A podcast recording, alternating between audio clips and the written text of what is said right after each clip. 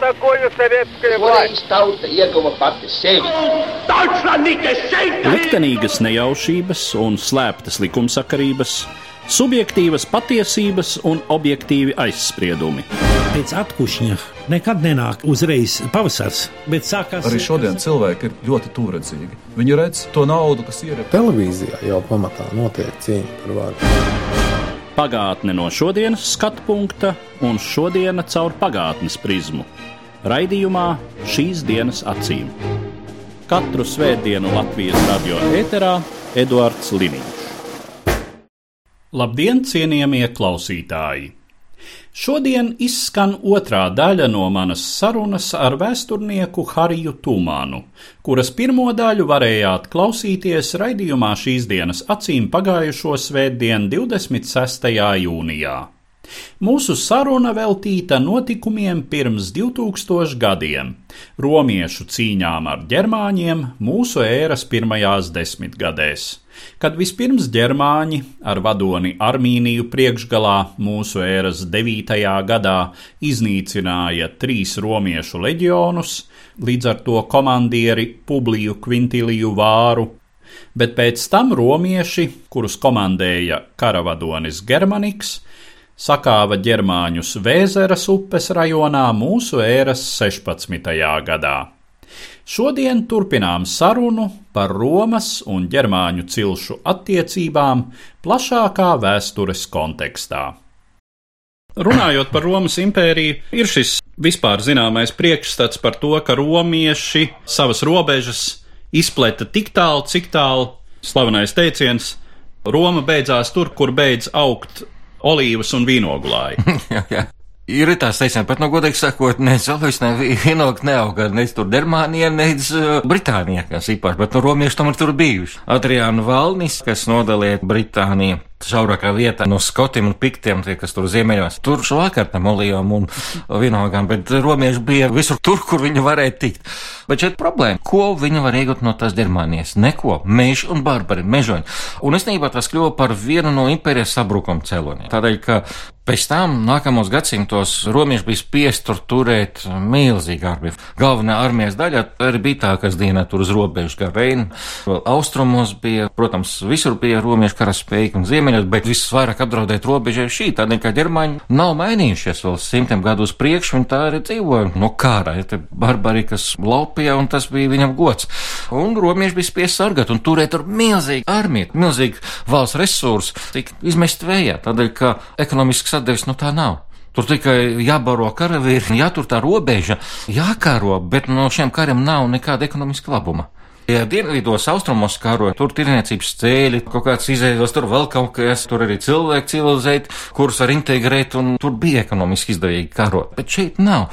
Tas izsūts resurss, un ar laiku uzturēt to paliek arvien grūtāk, nodokļi aug, un savukārt tas nodokļu spiediens viņš grauj ekonomiku. Ļoti pazīstam situāciju, kad ekonomika kliedz un uzņēmēji kliedz un saka, ka nav iespējams dzīvot, un tad sākās kaut kādi depresīvie, destruktīvie procesi ekonomikā. Tas viss tālāk attīstās pa šo ceļu, bet līdz ar to romieši ir spiest sevi sargāt un pāriet aizsardzībā. Bet tomēr tā problēma ar dermaņiem nav tik vienkārša, jo dermaņiem nebija tikai tie barbari, kas tur kaut kur aiz mūriem, aiz Reinas, kaut kur tur širo un periodiski uzbruk. Ģermāņi īstenībā jau ir šeit, arī impērija. Jā, viņi viena daļa jau bija Gallijā, dzīvos, viena daļa, jā, tomēr jau bija kaut kā integrēta Romas impērijas daļa, tomēr ne jau visi gluži ģermāņi bija ārpus, viena daļa jau tomēr arī šai pus robežas. Tagadējās Vācijas dienvidi. Tieši tā, jā, Trīra tā pati slavenā pilsēta ir Heidelberga kaut vai, kur tas romiešu nometnis stāvēja. Tas viss iezīmēt robežu, un līdz ar to, gribot, negribot, viena daļa ģermāņi integrējās. Lai gan romiešiem, nu, ja tā padomā, liela labuma no tā nebija. Ģermāņi integrēs ļoti slikti, tāpat kā šodienas tie paši barbari, kuriem ļoti patīk karot, tie arī neintegrējās. Un šeit arī bija problēmas. Protams, viena daļa integrējas arī, piemēram, kāpu uzraksti liecina, tas jau gan vēlākos laikos, jau kad trešā gadsimta tur daži rakstījuši divi ģermāņi, ka viņi savu zemu izcelsmi ir kompensējuši ar to, ka pieņemuši kristietīm, ka tāda veida viņi cenšas integrēties jau šajā civilizācijā, ka viņi pašiem kauns par to, ka viņi ir ģermāņi. Tādu piemēru nebija ļoti daudz. Jā, sākumā tomēr bija ģermāņi, kas gribēja tiešām integrēties, un daļai tas arī izdevās, bet ar laiku mēs redzam, ka tā vēlme pazūd. Pieaug konfrontācija, un ģermāņi tieši lepojas ar savu barbarisku izcelsmi, nekāda gadījuma nevēlas vairs integrēties, un to pasvītro. Savukārt romieši ģermāņus nicina par viņu mežonību, ģermāņi nicina romiešu par viņu degradāciju, morālu un pārēju izvērtību. Un tad tas konflikts aug. Un līdz ar to mēs varam teikt, ka Romas impērija bija milzīga šī piekta kolonne. Pienāca kritiskie laiki, tad šeit bija to barbaru, to pašu ģermāņu tik daudz, un viņi bija diezgan naidīgi noskaņot pret Romu. Un tad nāca vēl no ārpuses. Bet es gribu tomēr dažus vārdus pateikt par to, kā romieši tad mēģināja risināt šīs etniskās problēmas, kā viņi mēģina integrēt. Šeit ir process, ko sauc par romanizāciju. Nu, romanizāciju mēs varam salīdzināt ar globalizāciju, ar westernizāciju, tur mēs varam strīdēties par terminiem, bet es atļaušos nolasīt vienu teikumu no Cēzara, kurš labi apzināja šo tehnoloģiju, kuru romieši izmanto. Tātad jau savās piezīmēs pirmajā grāmatā, pašā sākumā, viņam tāds teikums, ka viņš apraksta Galiju, un tad viņš tiek līdz Galijas ziemeļiem, un tur apraksta beļģus. Citēji. No šīm tautām karavīgāk ir beļģi, jo viņi ir vis tālāk no mūsu provinces izsmalcinātais dzīves un izglītības, un ļoti reti pie viņiem ierodās tirgotāji un piegādā viņiem tās preces, kuras padara dvēseles vājas un mazdušīgas nu, mazdošīgs šeit at eh, animus pertinēt, ja, nu, tas, kas padara dvēseles sievišķīgas. Tātad, lūk, skaidri un gaiši. Pie viņam nav tirgotāji, nepiegādā viņam preces, un tādēļ viņi ir labi karavīri. Un pēc tam Cēzars vēl to domu atkārto, kad viņš saldzināja ģermāņus un gallus.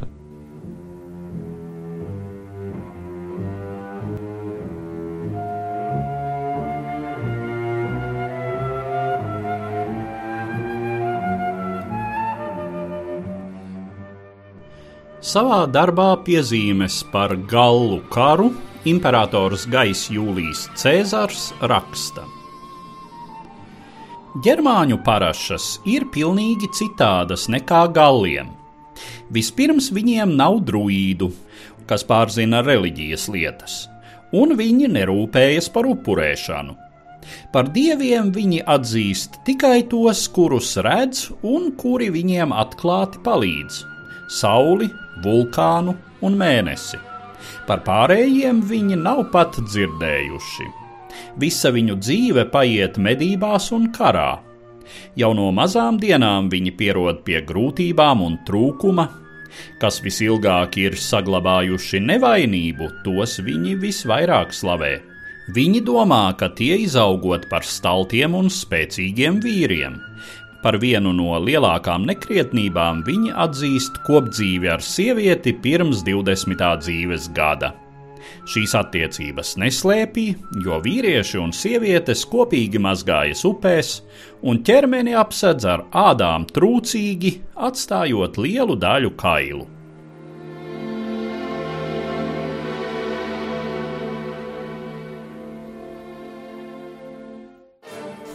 Viņa daudz nenodarbojas ar zemkopību.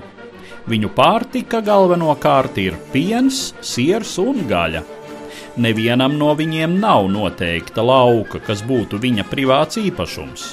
Amatvīri un priekšnieki uz vienu gadu tām dzimtām un asins radiniekiem, kas sanāk kopā, piešķir tik daudz zemes un tajās vietās, cik daudz un kur tie atrod par vajadzīgu, un rod daudzus iemeslus, lai zemkopība ilga pieraduma dēļ neaizstātu kareivisko cīņas garu, lai ļaudis necenstos iegūt daudz zemes un ievērojamākie nepadzītu vienkāršos no īpašumiem, lai necenstos pārāk rūpīgi būvēt namus, kur patvērties no augstuma un karstuma, lai nerastos naudas kāre un no tās šķelšanās un nesaticība lai krietnākie ļaudis valdītu pār vairākumu sava taisnīguma dēļ, jo katrs redzētu, ka neviens nav bagātāks un varenāks par viņu.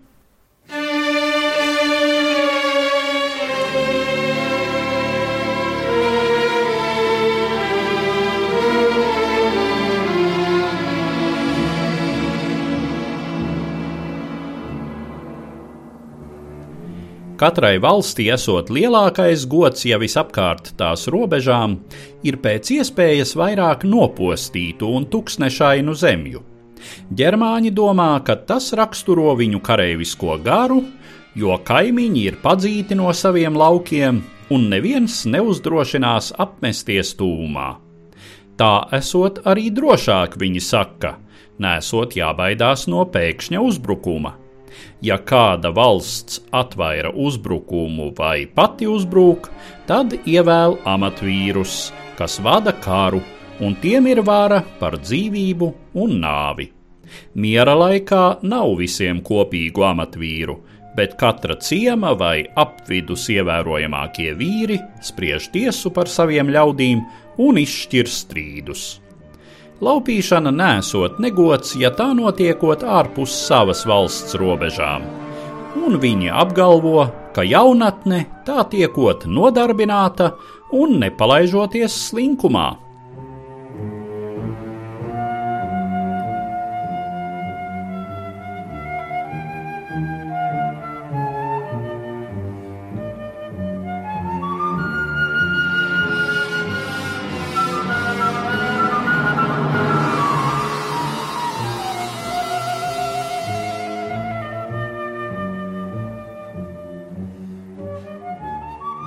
Ģermāņi arī tagad dzīvo tādā pašā trūcībā un nabadzībā kā agrāk, tikpat pacietīgi panes to visu, tāda pati ir viņu iztika un apģērbs.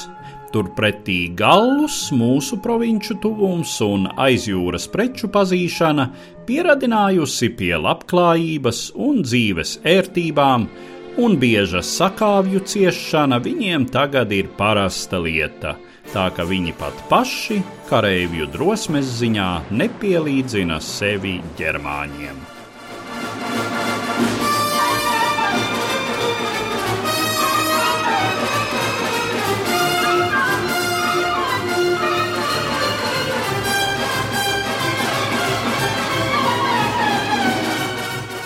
Tad gali ir tie, kuri integrēt mūsu ekonomiku un tirniecībā. Nu, viņi līdz ar to nav karavīgi, viņam alkatība, nauda, viss ir, un komforts, viņām prasības. Kā jūs zināt, tirgus ekonomikas viens no galvenajiem principiem radīt prasības, pieprasījumi.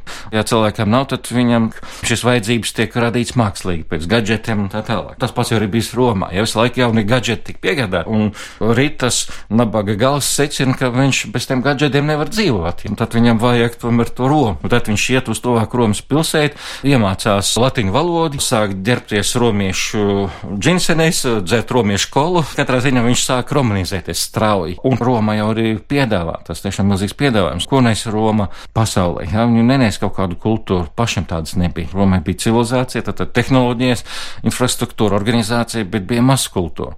Un vienkārši to grieķu kultūru, ko viņi jau dabūjuši maz kultūras veidā, diezgan vēla kultūras stadijā. Un romieši nesa masu kultūru, un maz kultūra kļūst par impērijas politikas instrumenti, tas ir kolonizācijas līdzeklis. Un tas ir tas, par ko Cēzars runāja, ka, redziet, ģermāņi no tā atsakās, viņiem nav šis mūsu mās kultūras, ja tulkojam mūsdienu terminoloģiju, ja, un ar to viņi karavīgi, un mēs nevaram viņam tik gala. Gali pakļaujas, viņi bauda mūsu pretis mūsu mās kultūru, līdz ar to ar viņam nav problēma. Pēc tam mēs redzam, kā tie rezultāti izpaudās citās vietās, piemēram, Strabons, pirmais gadsimts, tas pats gadsimts, par ko mēs runājam, tas pats laiks, pirmais gadsimts mūsu ēras, tad viņš apraksta svāņu ciltis, un Viņš saka tā, ka, piemēram, turditāni kas dzīvo pie Bētijas upes, pilnīgi nomainījuši savu dzīvesveidu pret romiešu dzīvesveidu un pat ir aizmirsuši savu dzimto valodu. Lielāka viņu daļa ir kļuvuši par latiņu pilsoņiem, un viņi ir pieņemuši pie sevis romiešu kolonistus, tā kā viņi visi gandrīz pārvietojušies par romiešiem.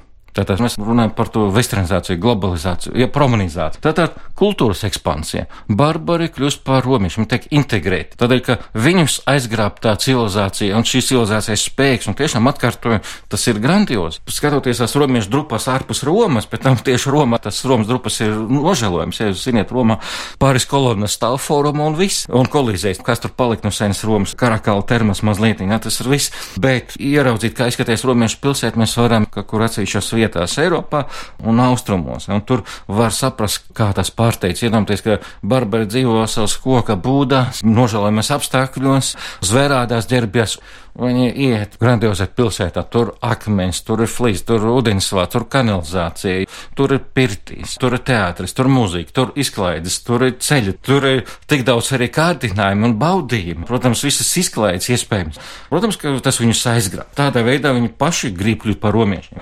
Un uh, romieši to visu labi apzinājās, kā par to liecina fragments latviešos nolasīt no tacīta, kad viņš apraksta, kā romieši tika galā ar Britiem, jau Britāniju princips jau viens tas pats. Viņš saka, ka Briti paši pievērsās uh, romiešu kultūrai, un tur ir tāda vārda, viņš saka. Un tie, kam latīņu valoda vēl pavisam nesen izraisīja atklāt riebumu, dedzīgi ķerās pie latīņu daļurnības studēšanas. Tam sekoja vēlēšanās ģērbties, kā mēs ģērbjamies, un daudzi ir iedebušies togās. Tā soli pa soli mūsu netikums audzinājuši Britus, un viņi ir pieķerušies pie portīkiem termām, tas ir pirtis un smalkam dzīvēm, un to, kas ir bijis līdzeklis viņu tālākā paverdzināšanā, viņi, būdami nepieredzējuši un vientiesīgi, devē par izglītotību un apgaismību. Redziet, romiešiem ir skaidra priekšstats, kas tas ir. Viņi labi saprot, kā šā mākslas kultūra viņi īstenībā paverdzina britus un ģermāņus. Bet ar ģermāņiem neizdevās līdz galam. Tādēļ ir novilkta robeža.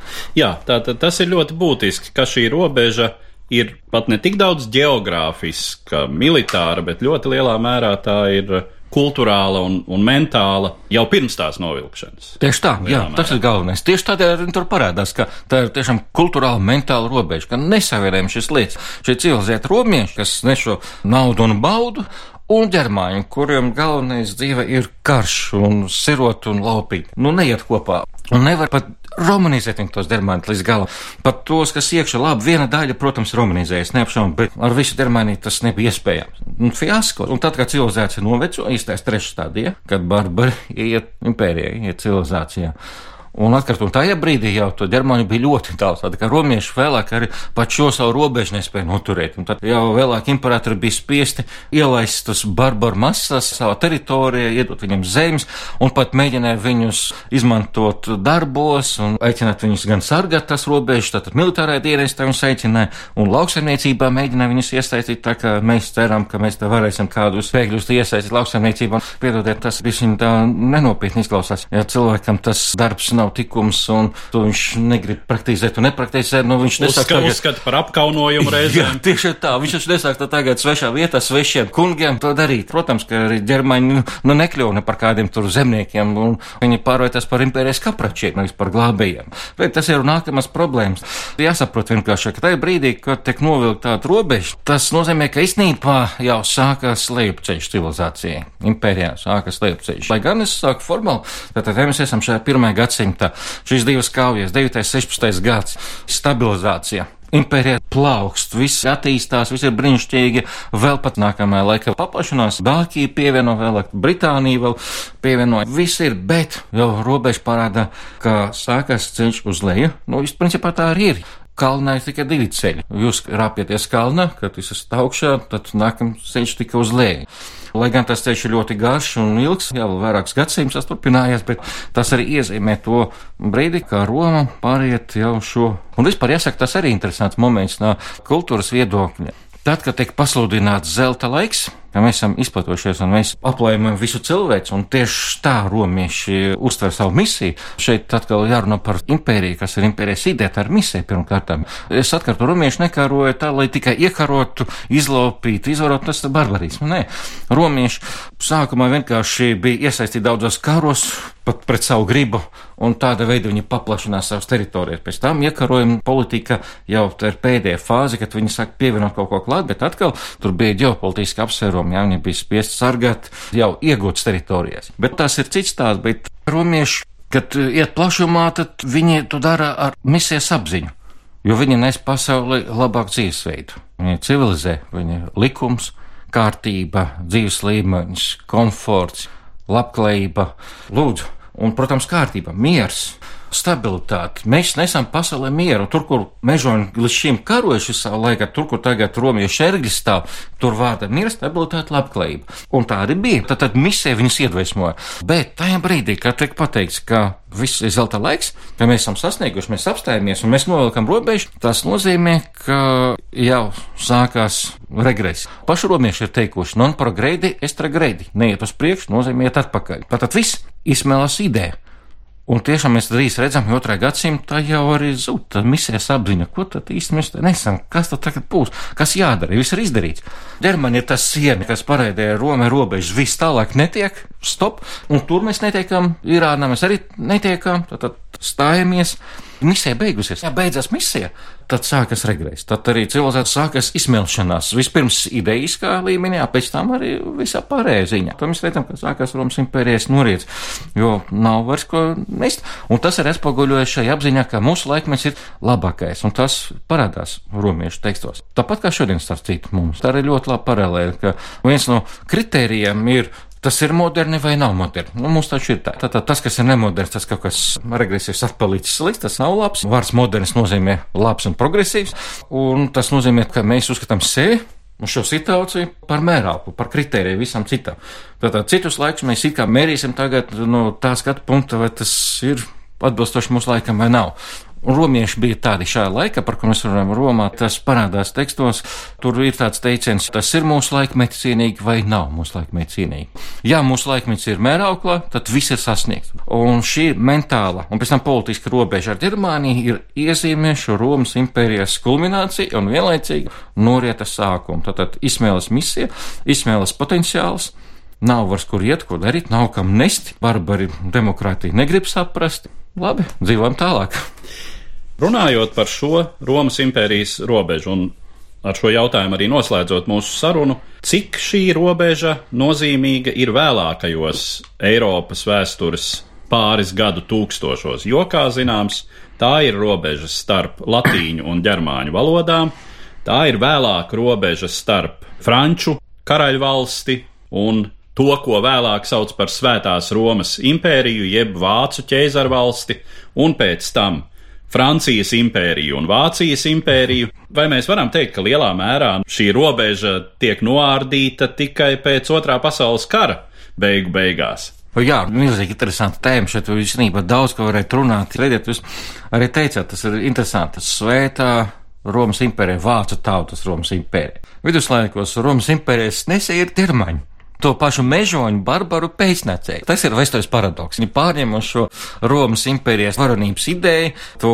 spožu un paši devējuši sevi par Romu. Sacītot to arī ļoti sekmīgi realizējuši, ka, ziniet, Vācu nācija trīs Romas impērijas, visu atribūtika, visu simbolu. Bet, nu, jāsaka, pirmie tomēr bija Franki. Sāksim ar to, ka tur starp Frankiem un Dermāņiem, principā tie paši arī ir. Atcerieties, Franku valsts, kara liela valsts aptvera gan to, ko mēs saucam par frančiem, gan par vāciešiem. Īstenībā tas ir viens. Tie paši Dermāņi vien ir, kas vienkārši pēc tam sadalās. Un šeit, acīm redzot, tad, kad sadalīties, tad arī parādās šī līnija. Protams, ka tie, kas veido jau franču nāciju, pēc tam galijas pēcnācēji, tur romiešu pēcnācēji, ģermāņu pēcnācēji, ka viņi sev pretnostātīja vienmēr pāri Reinas tiem barbariem. Nocerieties, Pirmā pasaules kara laikā tā ideoloģija, kā Francijā tas tika ļoti labi eksploatēts un teikt, ka boši, proti vācieši ir tādi rupji, barbari, mežoņi. Mēs esam Romas civilizācijas mantinieki, teica Frančā, tie ir ģermāņu mežoņi. Arī vēl sajaukušies ar huņiem. jā, jā, jā. Tas atkal vāciešu identitāte. No vienas puses gan Romas impērija, no otras puses mēs esam te ģermāņi, tad viņi liek pieminekli tam pašam Armīnijam, kurš Teutoburgas meža, nu, galvenai citā vietā. Šodien mēs uzskatām, ka tā kauja notiek citā vietā, jā. Kalkraizēm pilsētēm, kuras šodien izrākam parāda, ka tā kauja notiek vismaz vien tās daļas. Bet, nu labi, 19. gadsimta beigās viņi uzliek milzīgi pieminekli, un tas ir viņu identitātes simbols, tas šie ģermāņi. Un tāpat laikā Romas impērija. Un, protams, ka tas tiek apspēlēts, kā jūs arī nosaucāt, politiski vairāk kārtīgi. Bet vēl viens moments ir, kas man liekas ļoti būtisks, ka Eiropas civilizācija, protams, ļoti lielā mērā noteica Romas impērijas teritorijas, robežas. Daži cilvēki mēģinājuši paskatīties, kā veidojās, teiksim, politiskas, mentālas struktūras, tās teritorijas, kur bija romiešu leģioni un kur nebija. Proti, austrumu un rietumu Eiropa. Nu, labi, Ģermānija bija ārpus Romas, bet tā kļuva par Romu dīvainā kārtā. Tas arī tas paradoks. Un to var pieskaitīt pie Romas, jo tomēr daļa Ģermānijas bija Romā, bet tālāk. Un tad mēs redzam, tur Bizantija, ka kultūras iespējas, kultūras savots, un šeit ir Roma. Div, divas kristietības formas - latviešu kristietība un grieķu kristietība, kas ļoti atšķirās. Un rezultātā Huntingtons jau 20. gadsimta raksta, ka, kad viņš mēģina novilkt, kur tad ir Eiropas civilizācijas robeža, viņš izdomā labu formulu, manuprāt. Viņš saka, ka rietumu civilizācija beidzās tur, kur beidzās rietumu kristietība. Jo tiešām rietumu kristietībā vienalga šajā gadījumā tā ir protestantiskā variācija vai katoļu formātā, bet eh, tā ir rietumu kristietība, tā ir rietumu mentalitāte. Bet šī mentalitāte nāk no Romas, jo kristietība arī veidos Romas impēriju. Tad šīs kristietības formas, viņas tik atšķirīgas - rietumu kristietība. Un ja mēs paskatāmies to rietumu kristietības robežu tieši gar Baltijas valstīm, tālāk pēc tam Baltkrievija, Polija, Ukrainas rietumu gals un tā uz leju pa Balkāniem, kur Horvātija, un tam mēs redzam, Jā, tas ir Romas mantojums. Mēs redzam tiešām dažādas Eiropas divas. Un mēs varam teikt, ka jā, šai pusē ir romiska, pusē ir tā cita. Un atšķirās, mēs atšķiramies, lai gan īstenībā, protams, tas ir ļoti rūpi, tas ir par Eiropu vispār, bet atkal Eiropa dalās, kur bija Roma, kur nebija. Attieksme pret likumu, pret likuma paklausību kaut vai. Nu, tie slāvenie stāsti, ka Vācijas pats esmu redzējis divos naktī viena pilsētā, kur neviena cilvēka nav, neviena mašīna nebrauc, bet Vācijas stāv un kārtīgi gaida zaļo gaismu pa luksoforu. Piedodiet, es esmu barbars. Es pat uh, gaiša dienas laikā negaidu bieži vien, ja mašīnas nebrauc. Protams, šeit man sveic princips nedarīt pāri citiem. Nekādā gadījumā mašīnas priekšā neskriet, neradīt stresu, bet ja mašīna nav, es eju vienkārši. Tas ir vēl tiešām barbarismo paliekas izpausmēs. Un mums tā ir, jā, mēs ar valsts, cik likuma paklausīgi, teiksim, tie paši vācieši un mēs. Valsts pret mums, mēs pret valsts. Valsts grib, saka, no mums kaut ko izspiest, un mēs cenšamies kaut kā apmanīt valsti. Kaķu peļu spēli visu laiku. Un tas ir vispār vispār Austrum Eiropā diezgan tipiski. Un savukārt Romiskajai telpai ordnums, kārtība valsts, un tas, kas attiecas uz šīm valstiskajām institūcijām, iestādēm, likumiem, tas ir a priori labi, un tas a priori tas ir pareizi, tad tas ir leks, tas ir romiešu princips, romiešu kārtības paks romāna princips, šis leks, jā, likumība, vāra. Dura leks, sedlēks. Tieši tā, tieši tā. Bargs likums, bet, bet likums, tomēr likums, jā. jā. Un aiz Romas robežām ir savādāk. Lai gan mēs no vienas puses esam Eiropas civilizēti, no otras puses esam barbari. Liela, nu, romieši līdz mums nav atnākuši. Šai ziņā mums, protams, nav nekāda cerība, jo, jo domājot par šo geogrāfisko telpu, tā vēl gadsimtiem ilgi paliek tālu prom no Romas. Nu jā, un tā ir citas atkal kultūras telpas iespēja. Lielāka bijusi, kas arī, protams, atstāja iespēju uz mums. Kā tas viss kopā. Roma ir ļoti tāds tālējošs projekts. Vēl viena man teize ir, ko gribētu uh, noteikti pateikt šeit, ir tas, ka Romas tēls Eiropas uh, civilizācija ir fundamentāls. Tas faktiski ir uh, Eiropas civilizācijas pamats un būtība. Kādreiz, nu, Mēs grāmata... droši vien teikt arhetips. Arhetips, jā. Tas ir sākums. Kādreiz sāka, ka Grieķijā piedzīva Eiropas Eiropas kultūra un tam līdzīgi. Nu, jā, tas gan tā ir, gan tā nav. Es teiktu tā, ka Grieķija ir vecmāmiņa, bet uh, māte ir Roma Eiropai. Jo tomēr Eiropa veidos no Romas. Roma jau kaut ko paņem no tās Grieķijas, kaut ko nepaņem. Un Roma ir tieši tā civilizācija, vāra, likuma paklausība, likums, ordnungs. Tas ir milzīgi grandios komplekss, jā, mentālais pirmkārt komplekss, kas iespaido Eiropu, un tādēļ, šeit man liekas, tas liekas principiāli svarīgi, tādēļ, ka rietum civilizācija līdz šim brīdim dzīvo Romas civilizācijas iespaidā, un visu laiku Roma tiek atjaunot un restaurēta. Faktiski mēs varam teikt, ka virtuāli Roma nav beigusies, Roma joprojām dzīvo. Mēs joprojām dzīvojam Romas impērijā. Tādēļ, ka rietumos visos laikos tik līdz, ka izveidos kaut kāds liels, stabils spēks, kas spēj kontrolēt kaut kādu pietiekoši lielu ģeopolitisku telpu, šīs spēks tūlīt sevi sāk definēt par jaunu Romu. Mēs varam uzskaitīt, pēc tam tad 11 Romas. Nu, protams, mēs varam izsekot. Pirmā Roma, zināms, otrā Konstantinopola, trešā Maskavā, tagad ir kristīga Roma, jā, tas ir mazliet cita ideja. Un tad Eiropā mēs redzam Franku Roma, Kārs Lielais Romas ir, pēc tam tā Vācu Romas impērijai, pēc tam Napoleons atkal būvē Romas impēriju, pēc tam Bismarks. Otrais reiks Vācijai, pēc tam ir trešais reiks.